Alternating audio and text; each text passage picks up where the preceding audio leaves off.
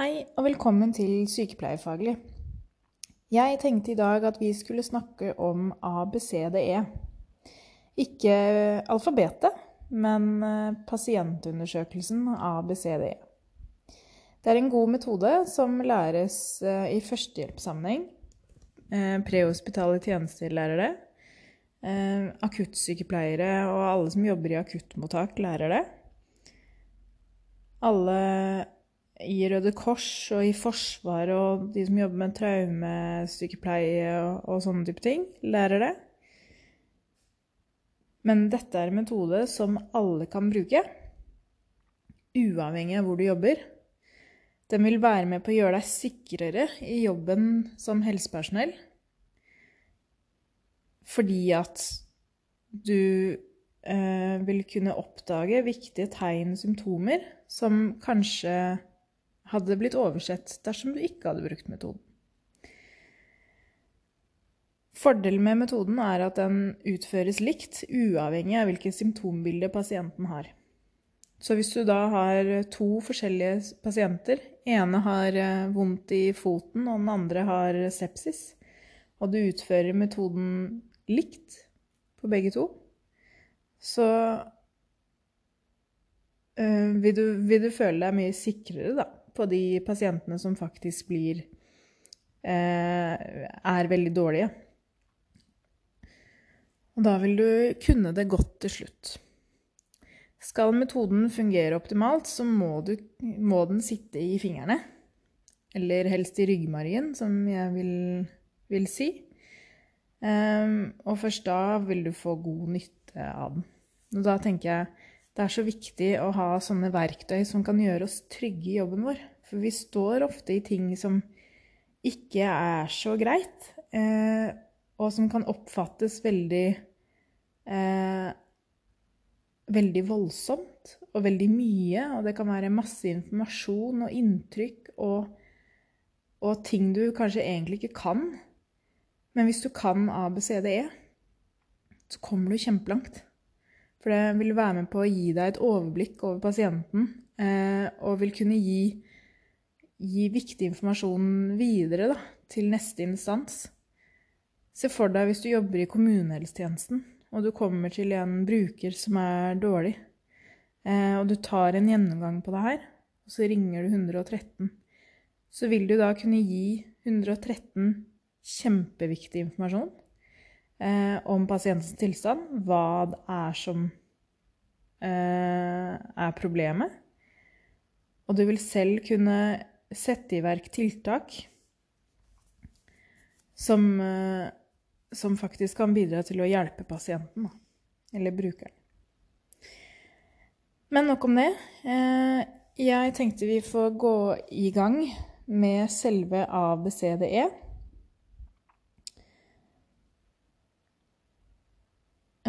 Når du utfører ABCDE selv første gang, så vil jeg anbefale Eller de første gangene, så vil jeg anbefale at du snakker høyt.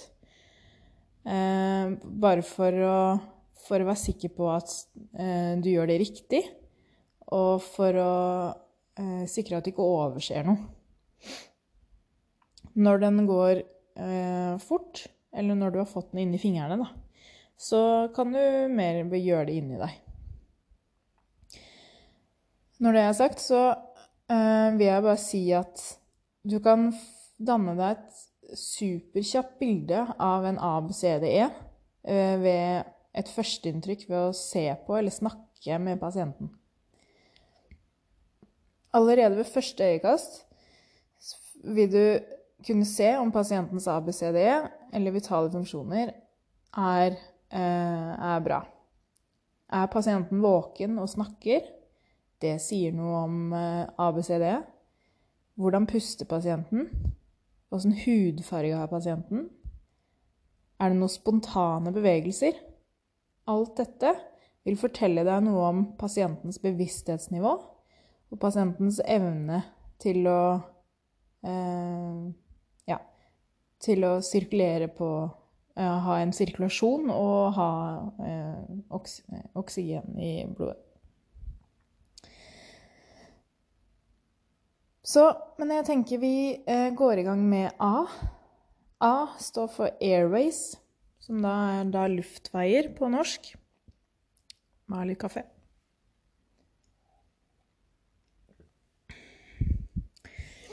Det viktigste vi gjør, og det er derfor vi skal begynne med det, er å sikre at pasienten har frie luftveier.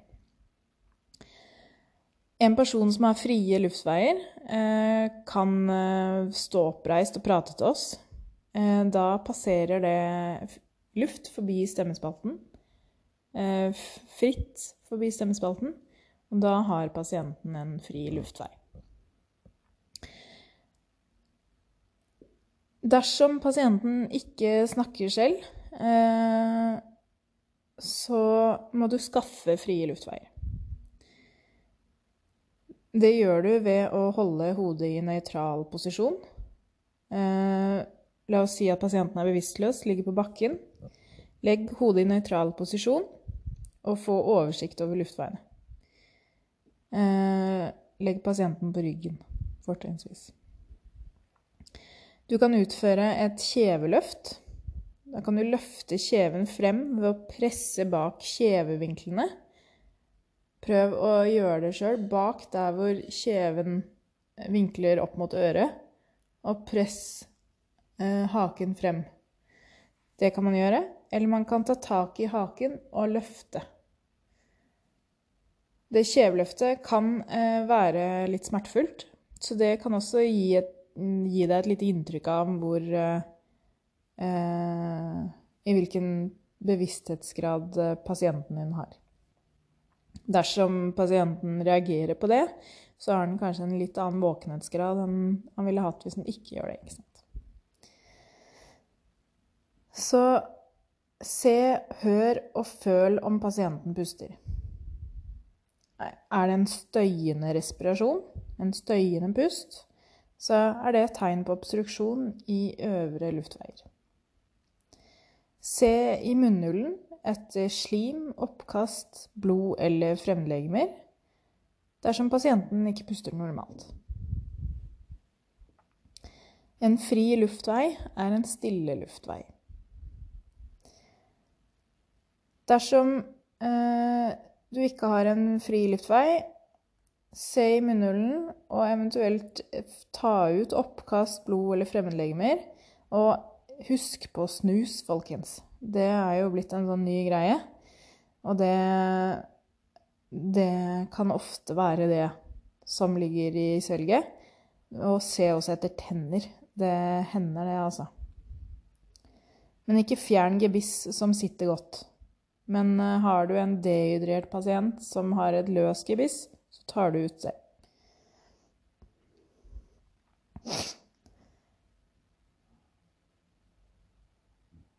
Dersom du har en bevisstløs pasient som puster, men som ikke klarer å opprettholde de frie luftveiene selv, eh, så kan du forsøke å legge pasienten i sideleie. Eh,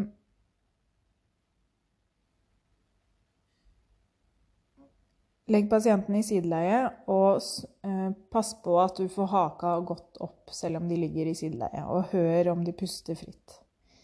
Eventuelt så er det jo i sykehus så har vi noe som heter svelgtube, som også kan legges ned for å kunne sikre eh, fri luftvei til disse pasientene. Men eh, lavterskeltiltak er å legge de i sideleie. Da vil du ha god oversikt over pasientens luftveier, og dersom det skulle komme oppkast, så får de ikke det bak i, i luftveiene.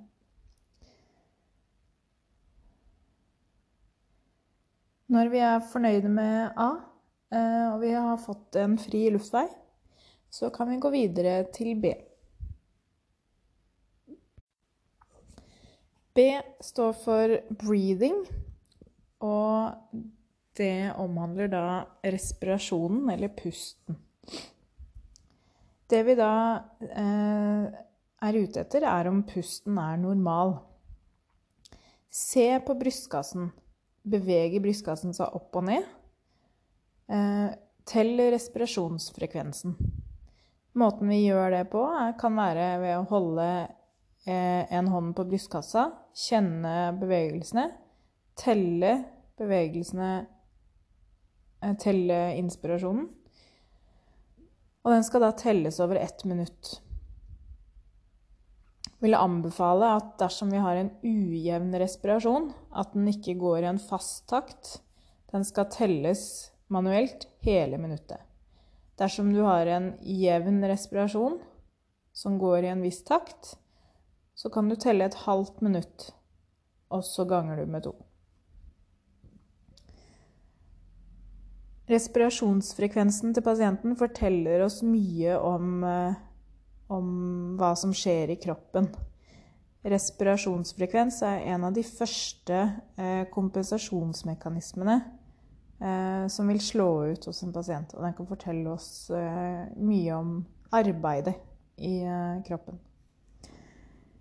Hør på pusten. Er det pustelyder fra nesen og munnen? Er den anstrengt? Er den uanstrengt? Føl etter pusten. Kan du kjenne pusten mot kinnet ditt? Se etter tegn til cyanose, altså blålig farge, på leppene eller eh, ekstremitetene. Og vurder pusten til pasienten. Anstrenger pasienten seg for å puste? Bruker pasienten hjelpemuskulaturer? Eh, inndragninger i, eh, mellom ribbeina eller diafragma, mellomgulvet? Dette er alle kjempeviktige tegn for å kunne si noe om pasientens pust. Dersom du har en bevisstløs pasient som ikke puster normalt, så skal du, skal du alltid starte hjerte-lungeredning. Veldig, veldig viktig. Dersom du har en pasient som er bevisst, eh, men noe sviktende respirasjon, så kan man eventuelt gi oksygen. Man må være obs på at oksygen er en legeordinasjon, så her må vi ha med legen også inn i bildet. Men det vi kan gjøre uten lege, er å måle oksygenmetningen eh, og se hva den er. Men ha med deg i bakhodet pasientens eh, habituelle tilstand. Har pasienten kjente lungesykdommer,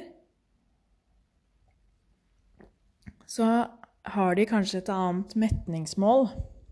Da kan de ha en annen O2-metning til vanlig enn det vi friske har.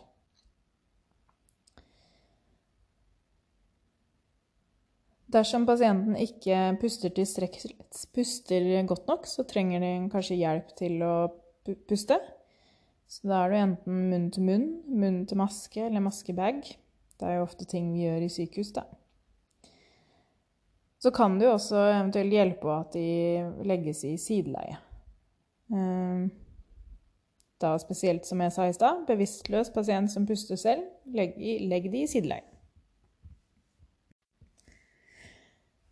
Når vi er fornøyde med B, så kan vi gå videre til C.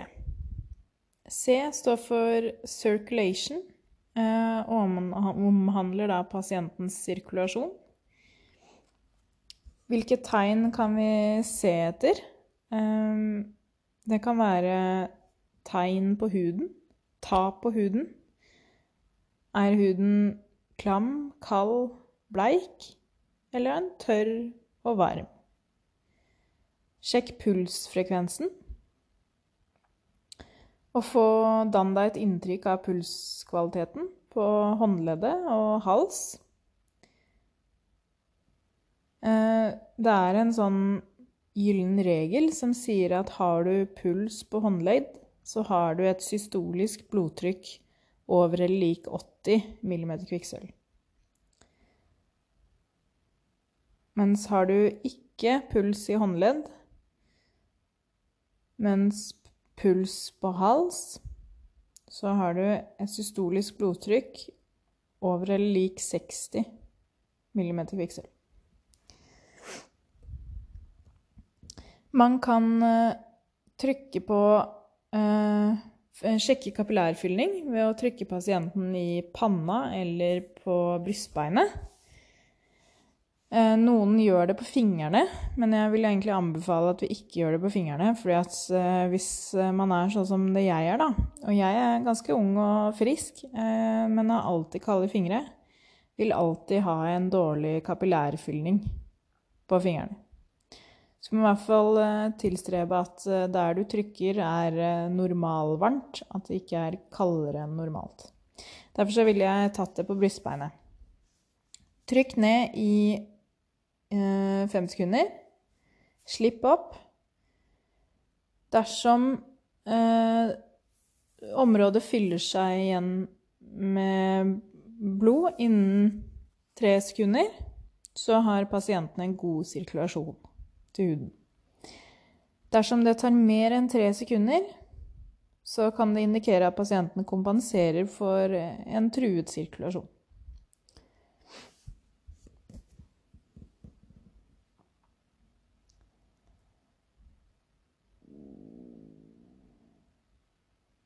En ting man kan uh, tenke på når man tester etter sirkulasjon, er at en våken, orientert pasient har god blodtilførsel til hjernen. Har pasienten nedsatt bevissthet eller er urolig, eller økt respirasjonsfrekvens, så kan det være tegn på en sviktende sirkulasjon. Dersom man har en sviktende sirkulasjon, så kan man eh, kunne gi, legge pasienten i sjokkleie. Eh, da legger man pasienten på ryggen, så hever man beina. Det har du kanskje vært med og gjort eh, Det er i hvert fall jeg har gjort ved blodtrykksfall. Eh, jeg har gjort det på meg selv noen ganger også, hvis jeg har eh, fått blodtrykksfall når jeg har reist meg, og så har jeg lagt meg igjen og lagt beina høyt. Så går det fort over. For eh, i eh, beina våre så har vi store eh, blodreserver på venesiden siden, som vi kan benytte oss av i disse tilfellene. Dersom man mistenker at pasienten eh, blør, så er det veldig viktig at vi hindrer varmetap. Så varme tepper og, og eller var en varm jakke, eller ja, et eller annet sånt. Kjempeviktig. Jo kaldere pasienten er, jo mer blør de, og jo fortere blør de. Så det er viktig å tenke på. Dersom du har mulighet til å eh, legge inn en intravenøs tilgang, en perifer venekanyle, så gjør det. det. Du gjør aldri noe feil ved å gjøre det, tenker jeg. Ehm, det kan faktisk hjelpe neste ledd også i å få komme fort i gang med medisinering eller væskestøt eller sånne type ting.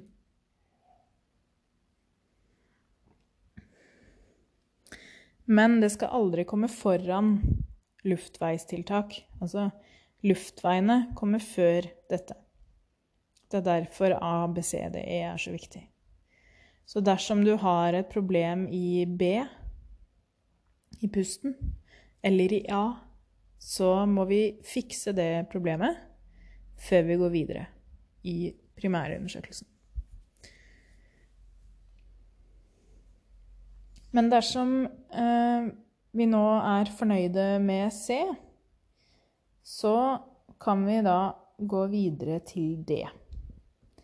D står for disability og eh, handler om bevissthet og nevrologi. Her er vi opptatt av at man sjekker bevissthet, enten ved at man snakker til pasienten, eller smertestimulering dersom pasienten ikke er våken. Det fins eh, flere måter å smertestimulere på. Kanskje den vanligste er å, å gni knokene mot brystbeinet. Um, eller så kan man klemme en penn over neglesengen på en av fingrene. Det er også ganske smertefullt. Eller man kan presse tommelen inn i øyehulen, altså oppi i beinet. Øverst over øyet, inn mot neserota. Kan være. Men det kan, det kan, hende at dette er noe du allerede har dannet deg et bilde av tidligere i undersøkelsen eh, ved alt det andre du har gjort. Se om pasienten har åpne øyne, eh, om de responderer på tale, om de, på, om de har en motorisk respons. Det vil kunne si mye om pasientens hjernefunksjoner og sirkulasjon til hjernen. Har vi en våken pasient, så skal de bevege armer og bein. Se på pupillene. Hva slags størrelse har de? Reagerer de på lys? Det er kjempeviktig. Dersom de ikke reagerer på lys, kan det også si, fortelle oss ganske mye om hjernefunksjonen. Og ikke minst, husk å måle blodsukker til pasienten. En pasient med lavt blodsukker eh, vil kunne bli urolig og ha massevis av tegn på, på sirkulasjonssjokk eller andre typer ting. Sammen med en pasient med høyt blodsukker. Og det kan være eh, pasienter som ikke nødvendigvis har en kjent diabetes også. Det må vi ikke glemme. Så husk mål blodsukker. Alle pasientene.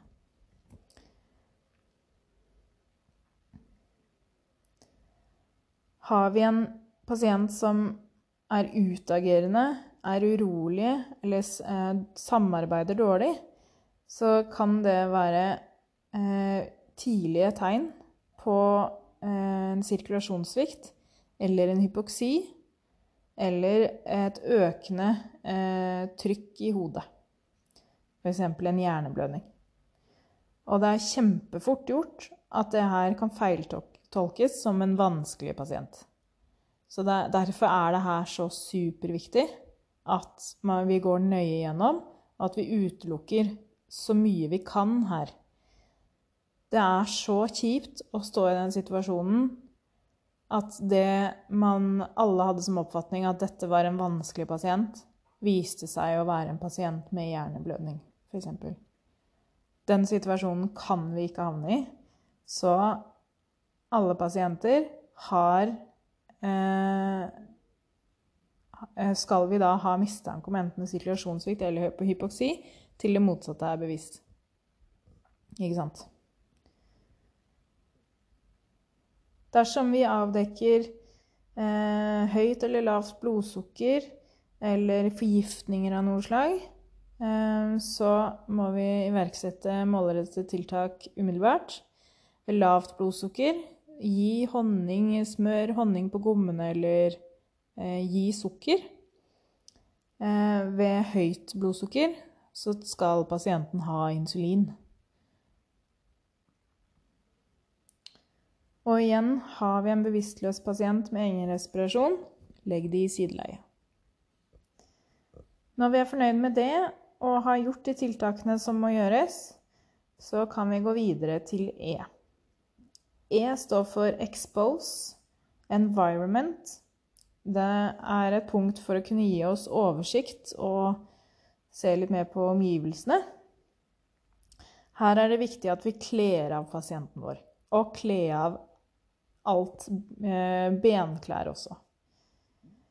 Dersom eh, det er temperaturmessig forsvarlig. Jeg skjønner det at eh, prehospitale tjenester ikke kler av alle pasientene sine ute på stedet.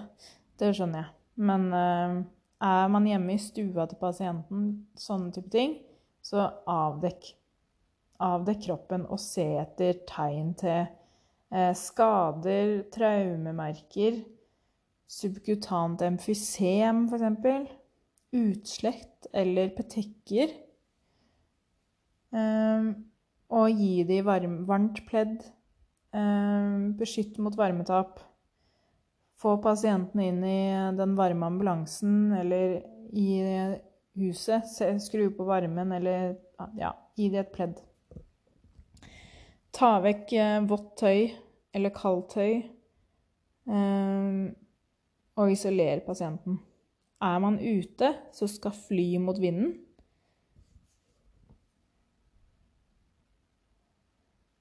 Og husk å dekke hodet til pasienten også. Jeg har stort varmetap ut gjennom hodet.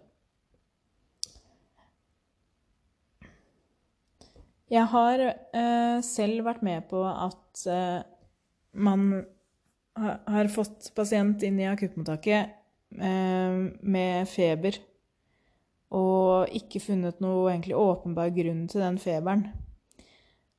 Før eh, vi bestemte oss for å ta av eh, buksa også. Og ser da at eh, pasienten har et stort infisert eh, leggsår eh, som man ikke har følelse i. Eh, som da er årsaken til infeksjonen, da, fant vi ut etter hvert. Så det bare viser hvor ekstremt viktig det er å avdekke og høre med pasienten hva er det som har skjedd, hvor lenge har du hatt det sånn, eh, hvilke andre sykdommer har du? Det er også viktig å få kartlagt.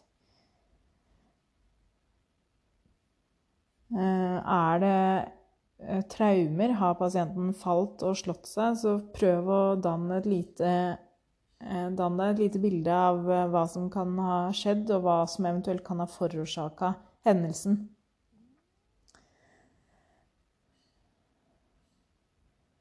Og dann deg et bilde av om pasienten er kritisk eller ikke kritisk syk. Og gi, gi melding til AMK. Varsle 113 dersom du tenker at dette, dette er ikke forsvarlig. Her er det eh, avvik som, som eh, burde gjøres noe med nå. Denne måten å gå gjennom en pasient på er kjempenyttig for alle parter. Og jeg tenker at man vil føle seg mye tryggere i jobben sin dersom man kan dette godt, og føle at man kan gjøre Ta gode faglige vurderinger eh, på pasientens vegne. Pasienten vil også føle at de blir ivaretatt godt. Eh, og gjør dette på alle, uavhengig av, eh, av hva de kommer med. Ikke senk eh, garden bare fordi at de kommer med vondt i en tå, for å sette det litt på spissen. Det kan ha stor nytteverdi uansett. Og ja, i, i verste fall så er det Det du får ut av det, er at du får trent. Og det, det gjør jo ikke noe. Og pasienten vil jo føle seg godt ivaretatt, tenker jeg. Og så må man spørre eh, kolleger, eh, fagutvikler fagutviklingssykepleier eller noen andre med mer kompetanse, da, hvis det er noe man ikke forstår eller ønsker mer eh, kunnskap om, eller Ja. Det er superviktig at man gjør. Så håper jeg at dette kan eh, være en måte En metode som alle vil kunne benytte seg av i større eller mindre grad fremover. For jeg ønsker at uh, vi alle skal kunne gjøre de gode vurderingene for pasientene våre, uavhengig av hvor de befinner seg. Og det her er et enkelt verktøy som ikke trenger masse ekstrautstyr. Uh, man kan gjøre det med bare seg selv og det kliniske blikket og eh, den metoden her. Dette verktøyet. Det er egentlig alt man trenger. Men så vet jeg jo at de fleste har både blodtrykksapparat, metningsmåler og, og kan måle puls og alt det. Blodsukker og Så eh, bruk det. Eh, og lommelykt har vi på telefonen. Vær kreativ i jobben. Bruk det du har. Det, man får det til. Og man får gjort ganske mye uten veldig, uten veldig mye utstyr. Det er egentlig det som gjør det så gøy, da, med med å jobbe på den måten.